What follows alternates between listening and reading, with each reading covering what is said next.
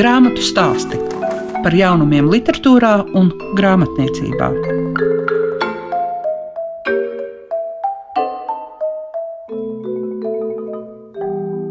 Savu skanējumu sāk 2021. gada jaunākais un arī pēdējais grāmatu stāstu raidījums. Un tā veidotāja Liega Piešiņa novēlot jums saglabāt vēlmi un iespēju lasīt šīs dienas raidījumā ļaus atvērt Edītas Putniņas grāmatu Bērnība knīpās un knauķos, bet vispirms dzirdēsiet par Maijas Amoliņas grāmatu Es zinu, es nekad nebūšu iedomīgs Maris Jansons. Vārds Maijai Amoliņai.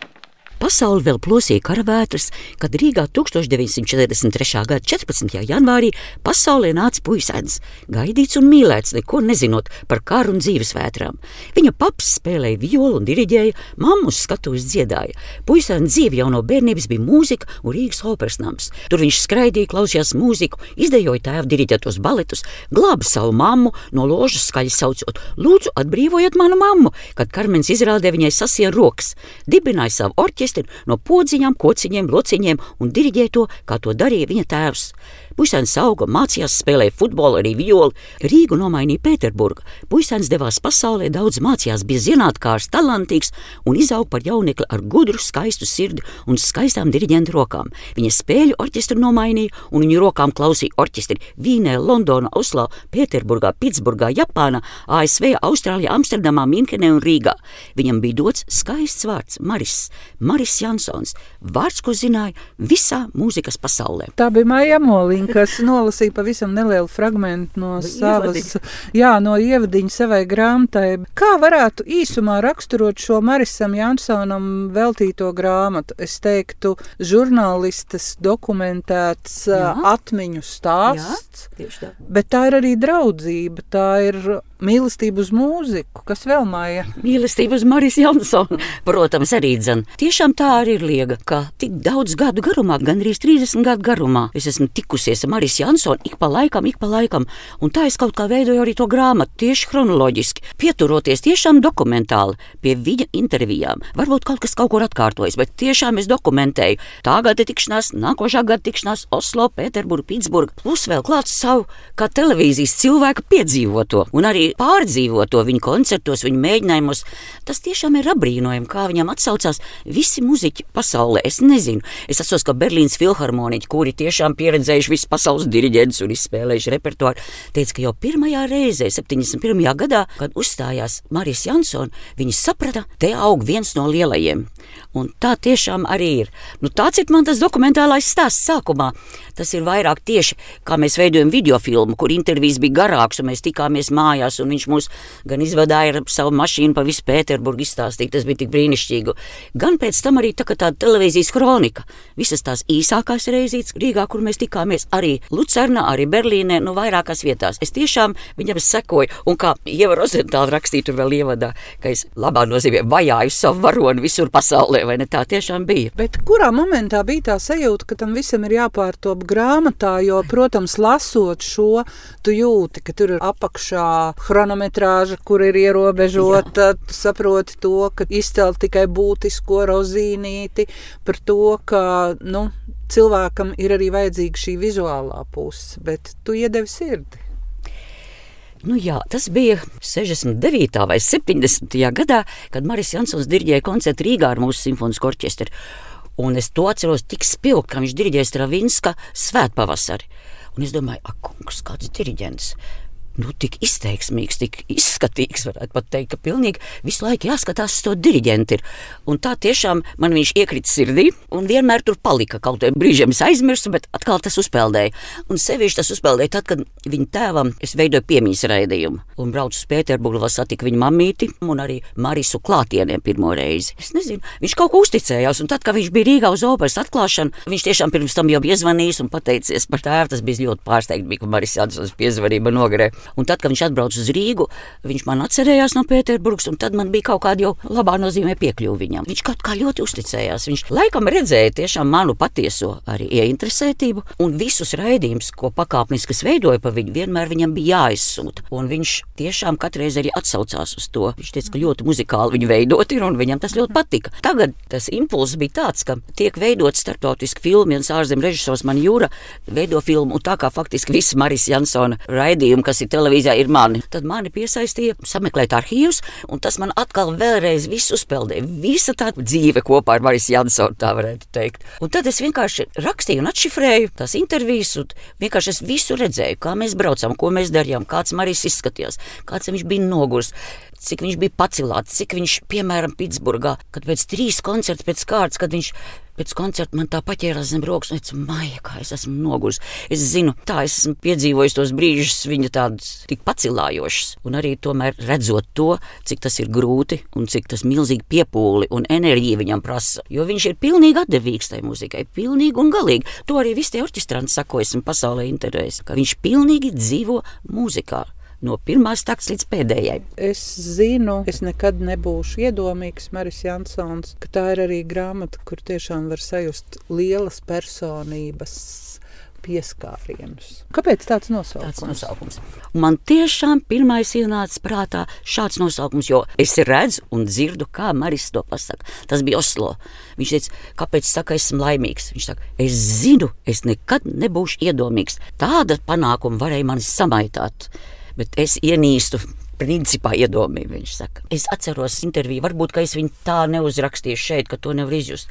Bet Pēterburgā, kas bija rekvijams viens no pirmajiem koncertiem viņam pēc slimības, kad mums bija tāds emocija pilns, ka tu priecājies, kad diriģents diriģē, un arī reizē satraucies par viņu milzīgo atdevi. Un es atceros to interviju, ka viņš aizvēra durvis, un viņš vēl ar tādu, nu, zīmogu sejā ar tādu aizlaustu balsi un stāstīja, kā tas ir, kad viņš bija tik tuvu nāvei, un ka tā, tagad viņam tiešām ir saruna ar Dievu, vai ne, šajā koncertā. Nu, kā man viens šāds liels cilvēks, liela personība, tik dziļi var atklāties, tiešām savas izjūtas parādīt. Man ir bijuši tur ļoti īsi brīži, piemēram, Lucernā, kad viņš tiešām arī slikti jutās, bet viņš iedeva kaut vai tur divus teikumus. Viņš teica, Maiņa, ar jums es vienmēr runāšu. Es domāju, ka tas man ir kompliments, tāda uzticība liela. Kas pienāk, tas savādākais, tas akcents, ka tā ir grāmata. Nevis tas ir video vai sižets vai, vai filma. Teicu, ka, piemēram, es tiešām to visu rakstu redzot, es nezinu, kā tas izskatās, kā tas lasās. Jo, zini, kā bija, man jau liels palīgs bija. Tiešām man tāda gudra galva blakus ir mans dēls Andris, kurš ir arī starptautiskas zinātnes žurnāla redaktors. Un es uzrakstu,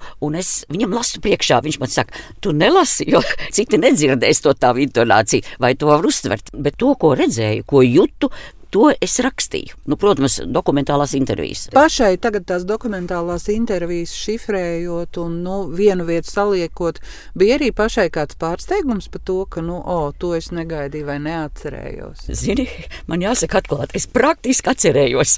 Es vienkārši kaut kā Marijas Jansona zināju no galvas, kā Māris Sirmais nesen teica, nu, ja Maija mīl pasaulē tikai vienu diriģentu, tas ir Marijas Jansons. Tas no viņa puses greizsirdīgi. Kaut gan es tiešām esmu taisījis par nu, gandrīz visiem nu, lielāks un mazāks intervijas ar visiem mūsu diriģentiem un komponistiem. Tā tas tiešām ir. Un es tiešām vairāk mīlu, un man prāt, ka man labāk izdodas raidījumi par diriģentiem. Varbūt tāpēc, ka es esmu niecīgs gariņš, arī pati kā kordiriģents, vai es tomēr kaut kā izjūtu uz diriģents, viņu vispusību tomēr. Tas nav tā kā viens solis dziedātājs ļoti uz sevi centrēts. Diriģents tomēr redz to pasauli lielākā mērogā, plašāk, visu to mūzikas dzīvi, un viņam ir tik daudz ko darīt. Kā viņš teica, viņam jāuzbūvē ir tā mūzikas ēka mēģinājumā, lai redzētu, cik skaista tā ēka izskatās koncertā. Un kad viņš arī saka to, ka, kad viņš strādā pie kaut kā, viņam nekam citam nav laika. Viņš teica, es nevaru atļauties aiziet orķestra priekšā, nesagatavojies, izklaidēties pirms tam vai kā. Viņš saka, man ir līdz pēdējiem sīkumam jālasa, jākoncentrējas tieši uz to komponistu, uz katru darbu. Un tāpēc Berlīnas filharmoniķa koncertmeistars arī tā teica. Viņš saka, viņš nāk tik gatavs uz katru mēģinājumu. Nav nekāda liekvārdība. Viņš zina, ko viņš grib. Viņš ir ļoti prasīgs, bet ļoti daudz arī dod mums. Bet Maris Jansons nevar privatizēt. Šis ir ļoti labs tāds dokumentāls materiāls. Kā tu domā pati, cik varētu būt grāmatas, kas vispār varētu tapt par Marisu Jansonu, jo mēs zinām, ka arī Gunda Vaivoda kādu domā jā, ir iecerējis. Jā, jā. Tā nav monogrāfija par visu Maris Jansona dzīvi.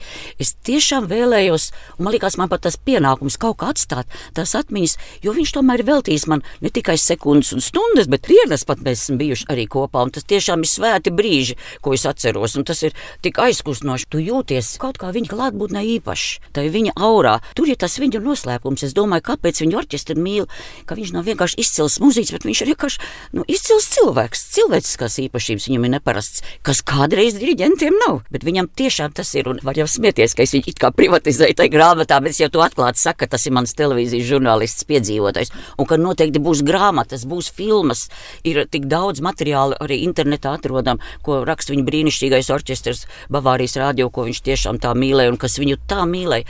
Jo tur redz, ka tas ir patiesi. To nevar notēlot. To nevar nospēlēt. To nevar nospēlēt. Un kā viņš arī saka, ka jābūt diriģentam ļoti patiesam, ka tu nevari kaut kādā pirmā mēģinājumā tēlot nu, kaut ko citu. Nu, it kā kaut ko vairāk no sevis, jo mūziķu to atšifrēs. Un man ļoti arī patīk tas teiciens, ka viņš saka, tā diriģenta profesija tomēr ir. Es arī pat nezinu, tas ir ļoti grūti. Daudz orķestranti saka, ka grūtākā profesija ir simfoniskais diriģents. Tas ir kaut kas īpašs. Kā Maris saka, jums ir jābūt pirmkārt labam profesionālim. Ja jūs nebūsiet labs profesionāls, ja jūs nebūsiet labs diriģents, Orķestris jums nepiedos neko. Jūs zināt, orķestrī sēž izcili mūziķi. Daudz, nerunājot par Berlīnas filharmoniķiem, par Vīnes, kur katrs ir solists, un kur jau kāda anekdote teica, ka, ka Vīnes filharmoniķis sarunājas pats savā starpā ar advokātu palīdzību vai juristu. Viņi tomēr katrs ir tik liela personība, un es domāju, iet šiem varenajiem orķestriem priekšā, cik tev ir jābūt gatavam, tāpēc viņam nav laika vispār citam, kā viņš saka. Viņš gan pats saka, citi varbūt brīnīsies, kā var tik vienveidīgi dzīvot, bet viņš ir tā ir mana iekšējā kā cilvēka problēma. Jo es vienmēr gribu būt augstumos, vienmēr būt mūzikā augstumos. Un tāds viņš vienmēr arī bija. Kā viņš mūsu orķestrim novēlēja, kad viņš bija kopā ar Raimonu Pauli, kad es biju sūtīts šim brīnišķīgajam komponistam, šim brīnišķīgajam pianistam Raimondam Paulam. Tas skaisti arī vēlāk nu, realizējās. Un orķestrim viņš teica, jums jāatcerās katram mūziķim, ka meistarība jau nav robeža. Jums katram mūziķim, diriģentam ir jāmācās un jāstrādā līdz pēdējam elpas vilcienam, kamēr jūs vispār esat šajā pasaulē. Viņš ar savu dzīvi to ir pierādījis. Grāmatu stāsti tiem, kam grāmatu lasīšana ir vērtība.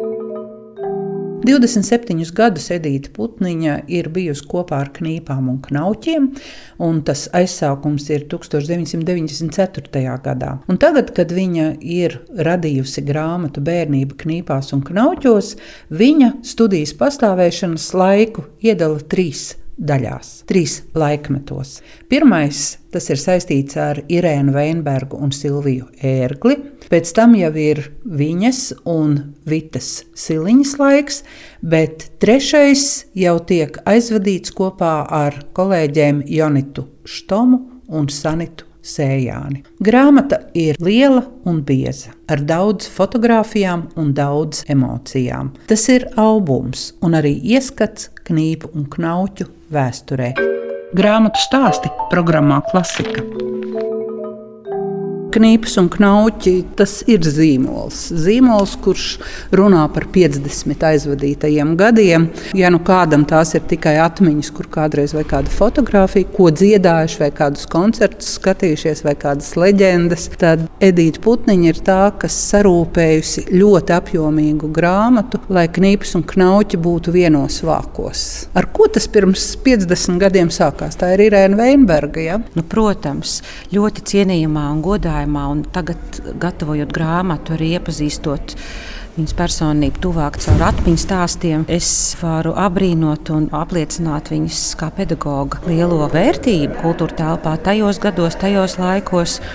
Un Irēnas Veinbergas ideja bija veidot šādu ansambli Tur gan ir tāds asals, atkal, kā jau dzīvē notiek, bieži vien nejaušības it kā, kas vedina uz kādiem notikumiem. Tur ir bijis kāds nejaušs gadījums ar Vaibšteinas deju kolektīvu skolotāju namā, kur iesākās ansamblis, bet tiklīdz viņu pirmais kopdarbs ar dziedātājiem, pavadot dejotājus, bija pabeigts, tad skolotāja Venbergai radusies šī doma tiešām veidot ārpus skolām, ārpus citām iestādēm, nu, jo skolotāji strādā ļoti daudzās skolās, arī kā dziedāšanas skolotāji kā kora diriģente. Abrīnojama. Un viņai jau tad ir bijis apmēram 46 gadi. Viņa ir bijusi ar kādu milzīgu pieredzi. Bet lūk, tad, tad viņai ir bijusi tā doma izveidot tādu, kā viņa ir teikusi, arī kādus dunduriņus, arī tādus bērnus, kuri varbūt nenotur to melodiju uzreiz, arī tādus pamēģināt muzikāli attīstīt un, un pilnveidot. Un, jā, tas ir nenovērtējams viņas nopelns. Un grāmatā es arī māksliniecei lūdzu, jo man radās tāda sajūta, ka ir nepieciešams vizualizēt to vokālās studijas knīpes un knauķi dzimtas koku. Ciltsmāte neapšaubām ir skolotāja Irēna Venberga. Kāda ir tā sajūta pirms 50 gadiem un tagad? Kas ir kopīgs? Ļoti tāda piepildīta un daudzveidīga darba sajūta. Un patiesībā tas ir pirmais kopīgais, ko varētu teikt. Jo skolotāja Irēna Venberga arī savā laikā ir pulcējusi ar vien vairāk un vairāk bērnus un dziedātājus. Un, un iepazīstoties ar materiāliem, es redzu, ka pagājušā gadsimta 80. gados arī šī studija ir, ir bijusi tik daudzskaitlīga, pie 180 bērniem, vairākās grupās sadalīti. Jo, protams, ka tas ansambļa tā specifika un tas jaukums ir, ka tie bērni ir sadalīti grupās. Un tu jau ikdienā, kā pedagogs, tu jau strādā ar nelielu sastāvu. Tad tu tomēr arī vari gan individuālāk redzēt katru bērnu, gan pastrādāt, pamanīt katru bērnu to attīstību. Nu, šis ir līdzīgi noticis. Es tāpēc saku, ka skolotāja Venberga ielikusi tik spēcīgu kodu, ka šī kuplā saime ir, ir tā, tā ir, ir, ir, ir turpinājusies. Jā, tas ir tāds dziļš kods, un es ticu, ka arī turpināsies tālāk. Un arī es, kad pārņēmu studijas vadību, arī mēs ar skolotāju, ar manu kolēģi kolēģi Vitu, toreiz ķirsi, tagad ciliņu. Un nu jau mūžībā mēs Vitai svinēsim šogad 60 gadu dzimšanas dienu, 29. decembrī. Un mēs abas arī tieši tāpat turpinājām šo līniju pieņemt arī pulciņā bērnus, ir īpaši tādus jaunākā vecuma bērniņus, 3 un 4 gadu vecuma bērniņus, kuri varbūt sākumā nemaz nenotur to melodiju uzreiz precīzi, bet to taču jebkurš pedagogs apliecinās to, ka ļoti bieži bērni, kuri it kā sākumā nenotur to melodiju, to ļoti brīnišķīgi var attīstīt šo spēju un, un ar regulārām nodarbībām vienkārši saprotot, kur klausīties, to spēju var attīstīt. Un ļoti bieži mēs arī savā praksē esam pieredzējuši šos brīnumu brīžus, kas ir tik priecīgi pedagogam, ka pēkšņi atverās. Mūzikas pedagogi jau to zina, ka tā ir tāda koordinācija, ko auss dzird un ko balss var nodziedāt. Un kā jau jebkas mums ķermenī ir koordinācijas jautājums, tā arī šis. Citiem tā ir uzreiz, šī koordinācija strādā momentā, un citam tā ir mazliet tāda attālinātāka. Bet nu, patiesībā, jā, ja bērnībā šo attīst un noķer to sajūtu, tad to var atrisināt. Vēlāk ir grūtāk. Vēlāk ir grūtāk, jo acīm redzot, gan pieaugušam cilvēkam jau daudz ko ir grūtāk izmainīt sevi. Bērns ir tik elastīgs, ka tur bez tādas liekas piedomāšanas, tas tādā procesā. Dziedāšana aizņem ļoti daudz laika, ja ir vairākas arī šīs grupas. Kāds bija tas dzenulis, vai tā bija misijas apziņa, vai kas, ka ir jābūt šai grāmatai? Jā, tā neapšaubām ir misijas apziņa, protams. Es esmu nostrādājusi, nu jau jāsaka, biju nostrādājusi 27 gadus. Bet skolotāja Veinberga ir nostrādājusi 23 gadus. Tikai 4 gadus vairāk es esmu nostrādājusi. Likās, ka šis 50 gadu jubilejas gads ir īpašs, un tā jubileja ir tāda īpaša, un ka neviens cits bez manis laikam to nebūtu izdarījis. Ja es to nebūtu izdarījis. Es esmu zināmā mērā tāda saita ar iepriekšējo paudzi. Es gan, diemžēl, nesatiku pašu skolotāju Veinbergu.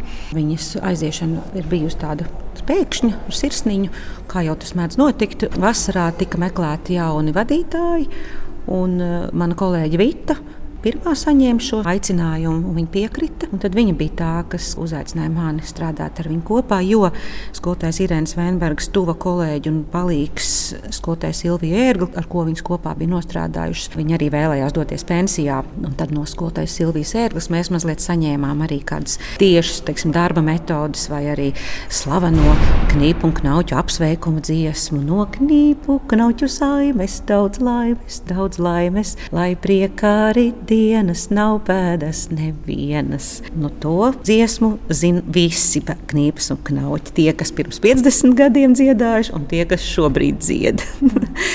Aizkustinoši tas ir. Jā, tā kā es esmu tā saite starp pagātni un nākotni, un tad šī misijas sajūta man tiešām lika to darīt. Un divus gadus esmu strādājis, divus gadus esmu gatavojis grāmatu. Man bija ļoti interesanti satikties ar iepriekšējo laiku dziedātājiem. Tos laikus jau es nepiedzīvoju. Es biju muzikas skolas bērns, es uz knīpām knauķiem pat nebiju nākusi dziedāt. Es ļoti, ļoti sajūtu to siltumu, ar kādu stāstīja tie bijušie dziedātāji. Visas savas atmiņas par skolotāju Irēnu Veinbergu. Tas siltums un tā cieņa un tā mīlestība bija jūtami katrā vārdā.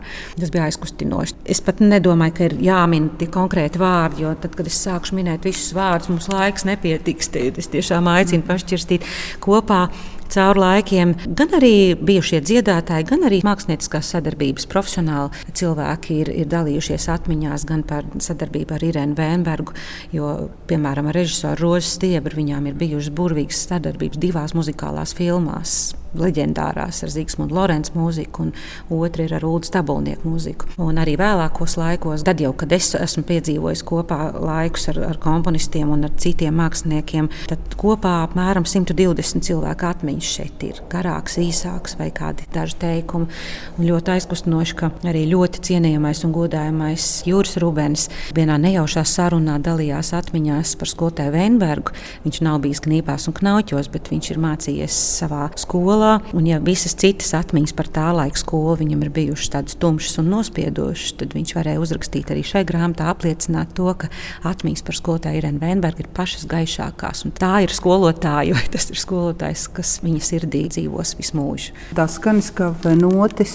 Šeit nav. Šeit ir tādai, nu, varbūt arī cilvēkiem, kas ir dziedājuši knīpās un knauķos, bet varbūt arī, kas nav dziedājuši knīpās un knauķos, vienkārši interesi iepazīties ar vēsturi. Jo, protams, ka tā pagājušā gadsimta un tā knīpknauķa pirmo 23 gadu vēsture saistās arī ar ļoti interesantām, gluži vienkārši laikmetu liecībām. Tie apģērbi, tā apģērba kultūra un tās fotogrāfijas melnbaltās, kuras liecina par to laikmetu, kāds tas bija. Un arī, protams, es esmu centusies, cik varēja visu gadu koncertu programmiņas apkopot un tomēr tajā grāmatā publicēt. Protams, simtprocentīgi visus bērnus noteikti mēs neesam minējuši. Arī es par savu laiku tā varu teikt. Lai būtu vēl interesantāk, mēs ar mākslinieci Esteru Betiju Grāveru, kur, manuprāt, ļoti jauka un rotaļīgi ir izveidojusi grāmatas dizainu, bet viņa arī man palīdzēja to vienkāršo darbu izdarīt. Tos koncertus vai kādas mazas intervijas, kādas ir bijušas gadu gaitā, vai televīzijā, mēs ievietojām YouTube saitē.